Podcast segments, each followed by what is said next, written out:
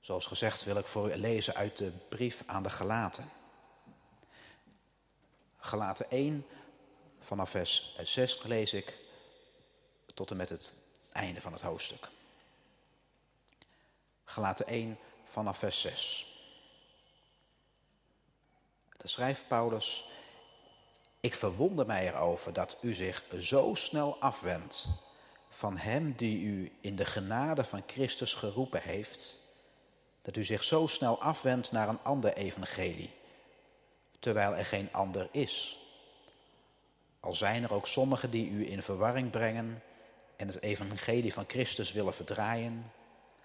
Maar zelfs als wij of een engel uit de hemel u een evangelie zouden verkondigen, anders dan wat wij u verkondigd hebben, die zij vervloekt.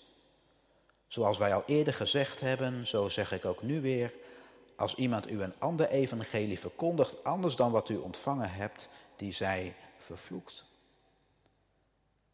Want ben ik nu bezig mensen te overtuigen, naar de mond te praten, of God? Of probeer ik mensen te behagen? Als ik immers mensen nog behaagde, zou ik geen dienstknecht van Christus zijn. Maar ik maak u bekend, broeders, dat het evangelie dat door mij verkondigd is, niet naar de mens is. Want ik heb dat ook niet van een mens ontvangen of geleerd, maar de openbaring van Jezus Christus. U hebt immers gehoord van mijn levenswandel voorheen in het Jodendom, dat ik de gemeente van God uitermate fel vervolgde en die verwoestte, en dat ik in het Jodendom meer vorderingen maakte dan veel leeftijdgenoten onder mijn volk, omdat ik een nog groter ijveraar was voor de overleveringen van mijn vaderen. Maar toen het God die mij vanaf de schoot van mijn moeder heeft afgezonderd en geroepen door zijn genade, toen het God behaagde zijn zoon in mij te openbaren, opdat ik hem door het evangelie onder de heidenen zou verkondigen, ging ik niet meteen te raden bij vlees en bloed. En ging ik ook niet naar Jeruzalem, naar hen die al voor mij apostel waren, maar ik vertrok naar Arabië en keerde weer terug naar Damascus. Daarna, drie jaar later, ging ik naar Jeruzalem om Petrus te bezoeken en ik bleef vijftien dagen bij hem. En ik heb, ik, heb, ik heb niemand anders van de apostelen gezien, alleen Jacobus, de broer van de Heer. Wat ik u schrijf, zie ik getuig voor God dat ik niet lieg. Daarna kwam ik in de streken van Syrië en Cilicië en ik was van gezicht onbekend aan de gemeente van Judea, die in Christus zijn. Maar zij hadden alle horen zeggen, hij die ons voorheen vervolgde, verkondigt nu het geloof dat hij voorheen verwoestte. En zij verheerlijkte God in mij.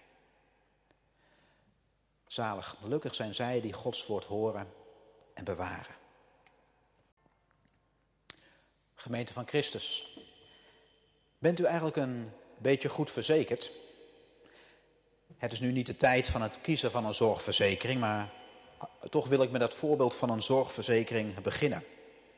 Ik heb uh, mijn eigen vergoedingenwijzer er even bij gepakt. Een jaar geleden had ik een zorgverzekering en die had meerdere aan, aan, aan, aanvullende verzekeringen. Zilver, goud, platina volgens mij. Als u dezelfde had, dan kent u dat wel. Mijn, mijn huidige verzekeringsmaatschappij heeft nog wat ingewikkelder gemaakt. Die spreekt over intro, start, royaal, optimaal en excellent. De keuze is reuze. Maar al die keuzen maken mij een, een, een beetje gestrest. Je krijgt door al die keuzes, zo vergaat het mij in ieder geval, het onbehagelijke gevoel van wanneer is het nou goed? Want een basisverzekering is maar een basisverzekering. Maar aan, aanvullend, ja, dat gaat altijd meer kosten.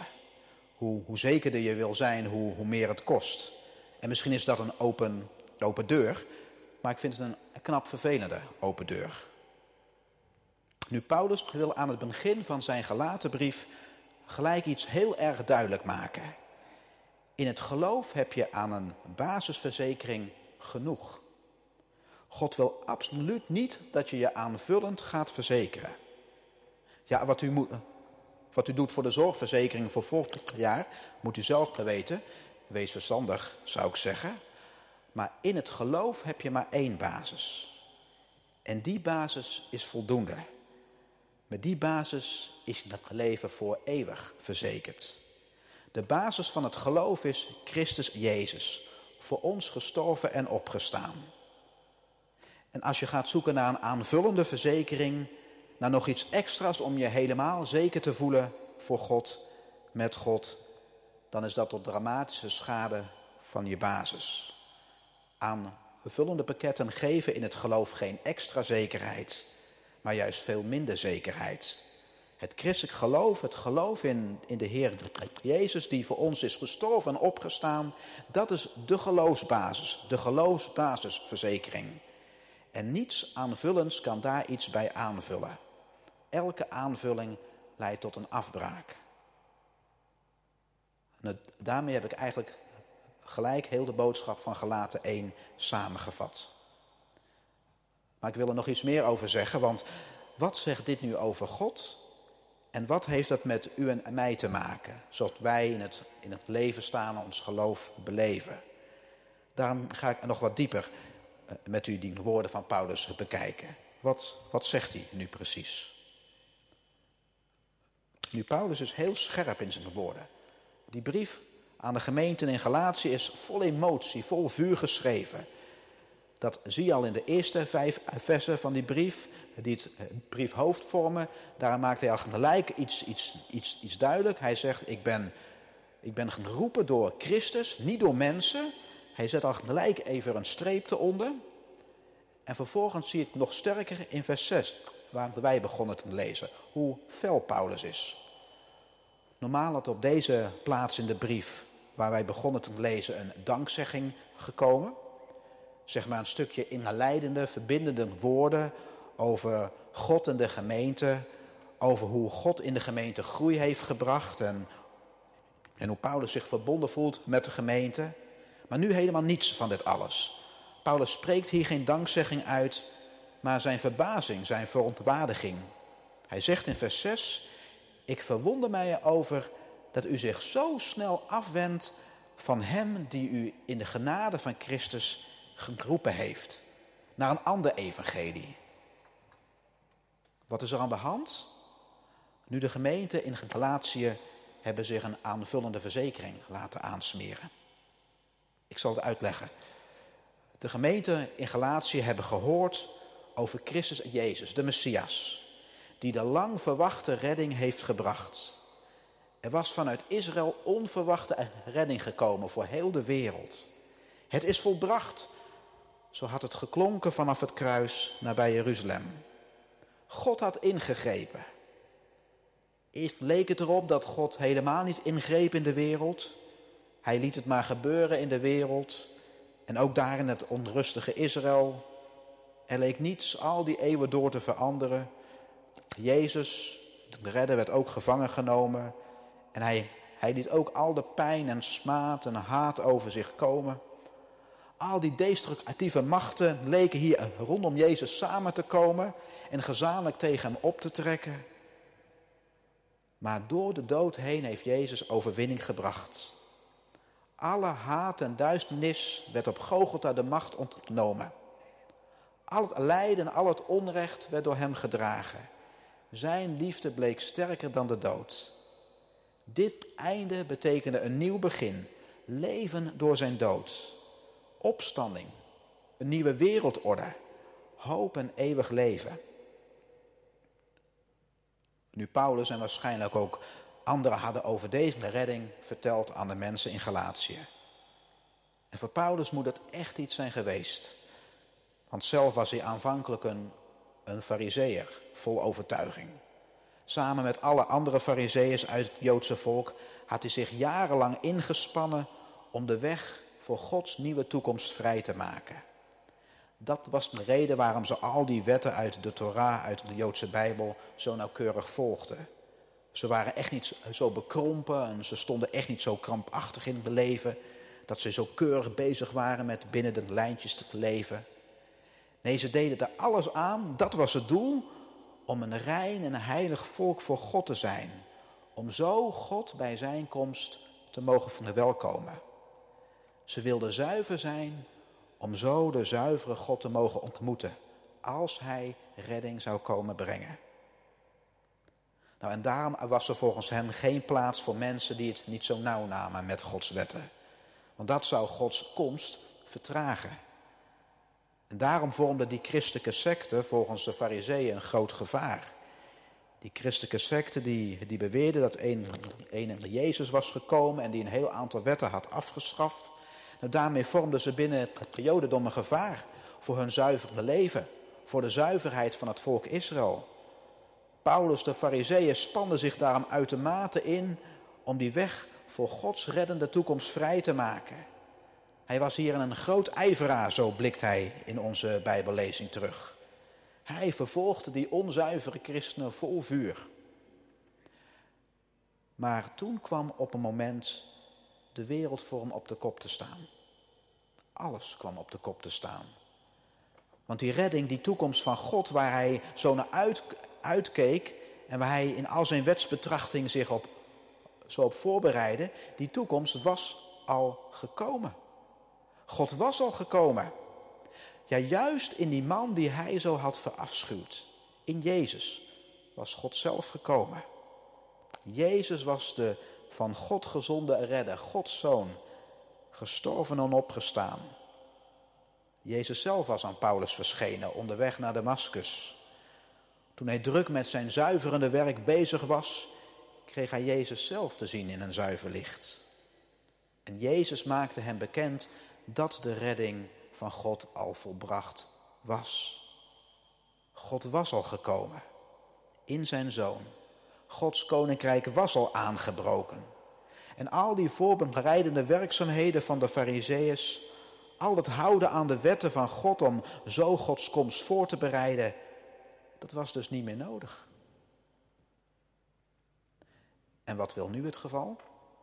Nu waren de mensen uit Jeruzalem, Joodse christenen, in de gemeente van Galatië gekomen, die toch weer de gemeenteleden wilden overtuigen dat er toch nog bepaalde voorbereidende werkzaamheden nodig waren. Toch nog zo'n aanvullende verzekering. Toch nog bepaalde voedselwetten. Toch nog die besnijdenis. Alsof God dat dichterbij kon brengen. Maar God was al verschenen in Christus. Men hoefde niet meer de weg naar God vrij te maken door al die wetten te onderhouden. Jezus had de weg vrijgemaakt. Hij was zelf de weg. Hij was God zelf, Immanuel, God met ons. De redding is al geschied. Men hoefde er niets meer voor te doen. Men kon er niets meer voor doen. Alles wat men nu zou doen aan voorbereidende werkzaamheden, of aan medewerking of instemming of wat dan ook, zou een ontkenning zijn van de redding. Alsof het nog niet had plaatsgevonden, nog niet klaar was. Alsof God halfwerk zou hebben geleverd. Het is volbracht. Zo ongeveer. Kunt u zich voorstellen hoe dit Paulus echt van zijn stuk heeft gebracht? Op zich had hij er volgens mij echt geen moeite mee dat men dat men bepaalde Joodse wetten onderhield. Titus, een van zijn medewerkers, is ook nog op latere leeftijd besneden met medeweten van Paulus. En Paulus zou best, best nog wel eens in Jeruzalem volgens de Joodse voedselwetten hebben gegeten. Maar door de gemeente in Galatië nu bepaalde wetten op te leggen, leek het alsof Gods redding nog niet compleet was. Of Gods, of Gods, of Gods, of Gods redding nog niet helemaal gekomen was alsof Gods reddende genade 99% was. Je mag op God vertrouwen, je zonden zijn je vergeven, er is nieuw leven voor je. Je mag zeker zijn van Gods redding, maar dan nog wel even. Stel je voor dat je dokter na een behandeling geruststellend tegen je zou zeggen: We hebben de ziektekiemen voor 99% weten terug te dringen. Wat gebeurt er dan bij u? Je bent blij en gaat onbezorgd weer verder en je denkt er nooit meer aan terug. Of is die ene procent onzekerheid nog nooit zo belangrijk voor je geweest? Nogmaals, het ging Paulus echt niet om die voedselwetten op zich. We moeten niet denken dat al die wetten opeens vreemd of raar zijn. God had ze niet voor niets aan zijn volk gegeven. Maar door nu die wetten aan anderen op te leggen, liedje zien. Gods redding is in Christus gekomen, inderdaad. Maar om daar echt zeker van te zijn, moet je toch wel aan bepaalde voorwaarden voldoen. Maar zo'n laatste zin, die breekt alles af. Zo'n noodzakelijke aanvullende verzekering breekt heel die basis af. Nou, daarom is hij zo fel. Het is geen discussie over het wel of niet vasthouden aan een bepaalde wet. Nee, het gaat hier om de kern van het evangelie. Het gaat om God die hen uit genade heeft geroepen om te delen in zijn redding en liefde. Daarom is hij zo fel in vers 6. Ik verwonder mij erover dat jullie je zo snel afwenden van hem die u in de genade van Christus geroepen heeft naar een ander evangelie. Jullie zoeken een evangelie plus, een evangelie met een aanvullend pakket. Maar er is geen ander evangelie. Ik weet niet of, ik weet niet of die Paulus het bewust heeft gedaan. Maar door het zo te verwoorden, moet ik, ik terugdenken aan een geschiedenis uit het Oude Testament. Aan het volk Israël in de woestijn. Toen zij het gouden kalf gingen vereren als een nieuwe God. God had, had hen zojuist geroepen uit Egypte. Ze waren bevrijd. Ze waren nog maar net door de Rode Zee. De toekomst lag voor hen open om samen met God in vrijheid te gaan leven. En terwijl Mozes nog met God op de berg sprak, was het volk onderaan al bezig om zich af te wenden van God en andere goden te gaan vereren. In de vorm van een gouden kalf. Ik verwonder mij erover, zegt Paulus, dat jullie je zo snel afwenden van Hem die u in de genade van Christus geroepen heeft. Dat moet die Joodse christenen wel zeer hebben gedaan. Zij die dachten dat zij goed deden door een paar wetten op te leggen aan de gemeente in Galatië. Deze Joodse christenen waren volgens, volgens, volgens Paulus zoals het volk Israël in de woestijn met het gouden kalf. Ze waren helemaal vergeten dat zij al waren bevrijd. Ze waren afgodendienaars geworden in plaats van dat men God diende.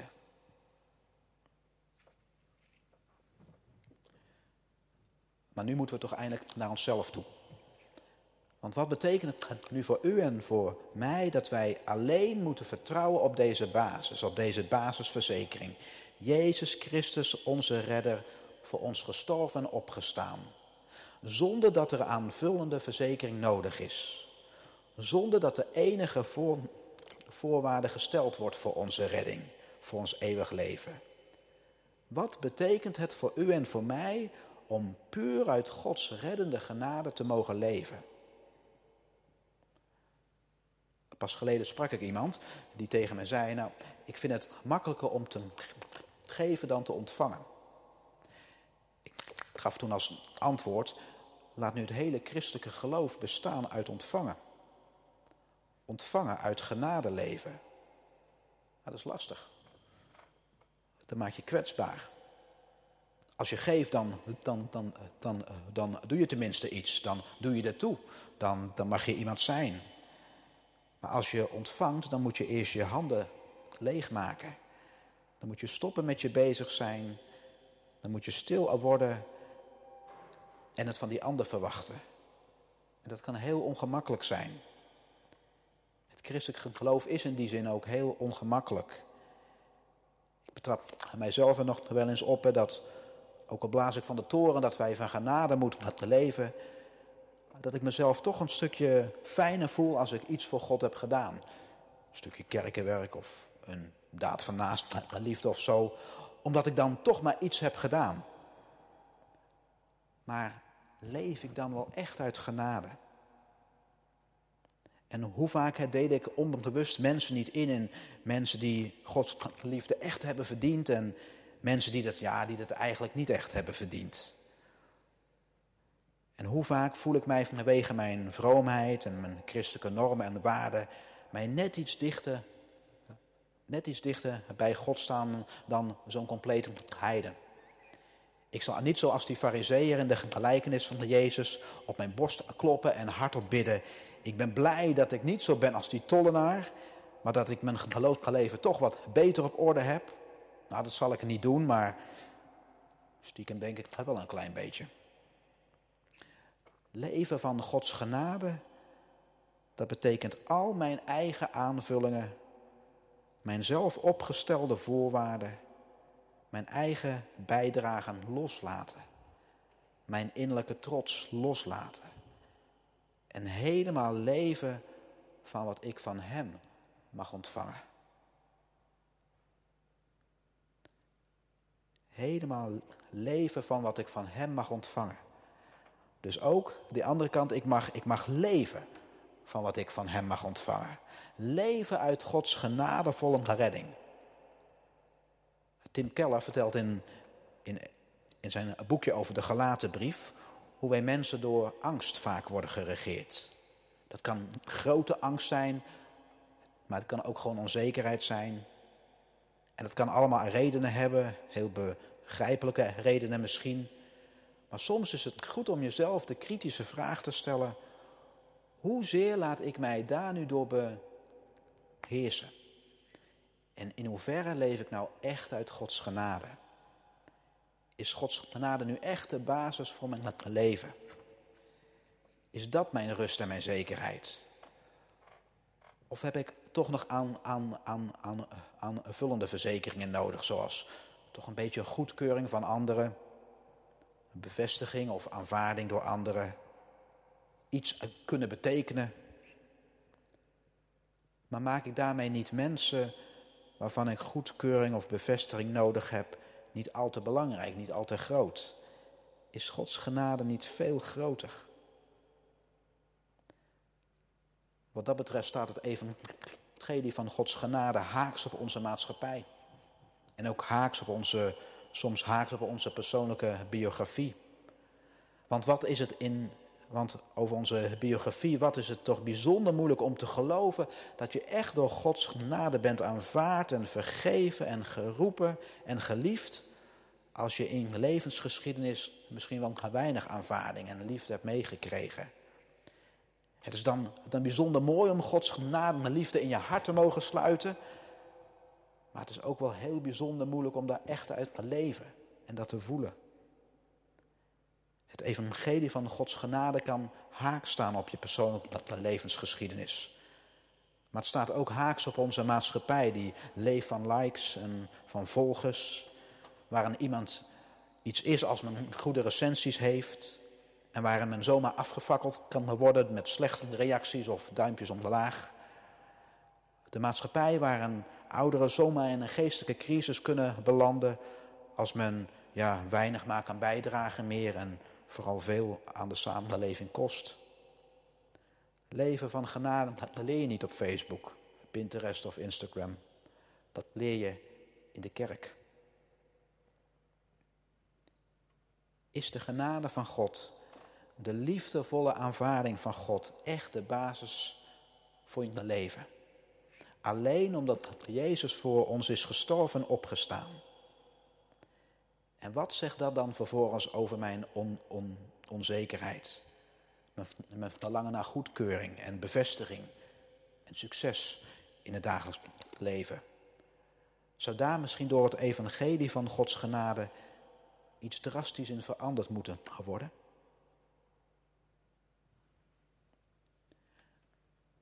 Leven wij als gemeente van Christus echt van de genade van God in Christus. Gods genade, Gods geliefdevolle vergeving en aanvaarding, zonder enige aanvulling van onze kant of enige voorwaarden waaraan wij moeten voldoen. En misschien dat u zich niet gelijk aangesproken voelde door die voorbeelden die ik noemde uit de samenleving met zijn likes of of dat zoeken naar bevestiging, zoals, of, of die fariseer die zich op de borst klopte. Maar het kan er ook veel subtieler aan toegaan op het terrein van de kerk. Ik hoor bijvoorbeeld vaak, of soms uh, best wel mensen zich in de kerk verexcuseren die zeggen, ja maar ik weet niet zoveel hoor van de Bijbel. Nou, aan de ene kant zou ik dan mensen willen aansporen om zoals Paulus echt aan de slag te gaan met de Bijbel. Maar aan de andere kant leeft blijkbaar op een of andere manier het gevoel dat je toch een bepaalde mate van kennis moet hebben. Ook al kennen wij geen diploma's en certificaten. Leven wij echt uit genade? Ik moet ook denken aan mensen die, die, die twijfelen aan hun geloof omdat zij niet altijd Gods, Gods kracht ervaren. Is mijn geloof dan wel echt? Geloof ik wel, wel genoeg dan? Maar de zekerheid van ons geloof zit niet in ervaringen. En zit ook niet in onze, geloofs, in onze geloofsveerkracht waarmee we alles aankunnen. We hoeven niet als christenen altijd optimistisch te zijn en positief en sterk. Zou prachtig zijn natuurlijk, maar we leven van Gods genade. Dus ook als u bij uzelf misschien zo weinig veranderd ziet, als je maar met je karakter blijft worstelen of met je zwaktes. Blijf ermee vechten, geef niet op, blijf biddend strijden, maar vergeet nooit, we leven van genade. Ons geloof is niet beter, niet meer waard als wij veranderingen in onszelf zien, of veerkracht, of positiviteit, of indrukwekkende ervaringen. Nee, geen aanvullende verzekeringen zoeken. Blijf bij de basisverzekering. Dat is genoeg. En elke aanvullende verzekering doet daar afbreuk aan.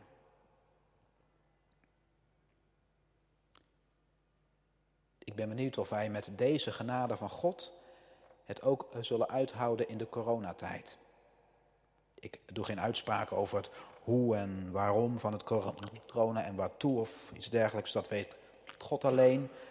Maar ik denk dat het deze tijd voor ons geloven echt een, echt voor ons geloof ook een geloofstest is. Een, een, een test of we het echt uit zullen houden.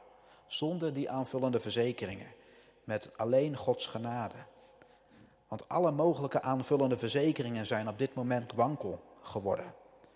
We kunnen ons niet meer vasthouden aan als je maar gezond bent, want zelfs de meest gezonde mensen kunnen ernstig ziek worden. We kunnen ons niet vasthouden aan onze vaste baan, ook niet aan ons pensioen, want alles wankelt en, en beweegt. We kunnen ons ook niet verschuilen achter onze, in onze westerse kapitalistische bunker, want hoe kan je al, al, al het leed in de wereld langs je heen gaan? Durf je in deze situatie echt leven met het evangelie van Gods genade? Is dat mijn basis in deze tijd? Kunnen wij met het evangelie van Gods liefdevolle aanvaarding en eeuwige trouw ook deze vreemde tijd aan? Paulus kon vanuit dit evangelie leven en ook sterven. En hij liet zich door dit evangelie van Gods genade inspireren om zich volledig in te zetten voor het heil van de ander. Gods evangelie had alles bij hem afgebroken. Maar hij had nog nooit zo'n stevige basis gehad om te leven en om tot een zegen te kunnen zijn. Daarom de vraag waarmee ik de preek begon. Bent u eigenlijk een beetje goed verzekerd? Ik wil u ertoe, op, ik wil u ertoe oproepen om wat het geloof en het geestelijke leven betreft, al die aanvullende verzekeringen te laten vallen. Kijk nog eens heel goed naar je leven. Of je niet onbewust, geestelijk gezien, oververzekerd bent. En durf los te laten. Want door Jezus Christus die is gestorven en opgestaan, mogen we de beste basisverzekering hebben voor ons leven. De enige basis. U u alleen, mijn licht, mijn kracht, zouden straks, zullen we straks gaan zingen. En deze enige basis hoef je nooit kwijt te raken. Want deze basis heb je niet zelf in handen. Het is een geschenk uit Gods handen. Genade. Het is geen vasthouden, maar het is een vastgehouden worden. Door de genade van God. Amen.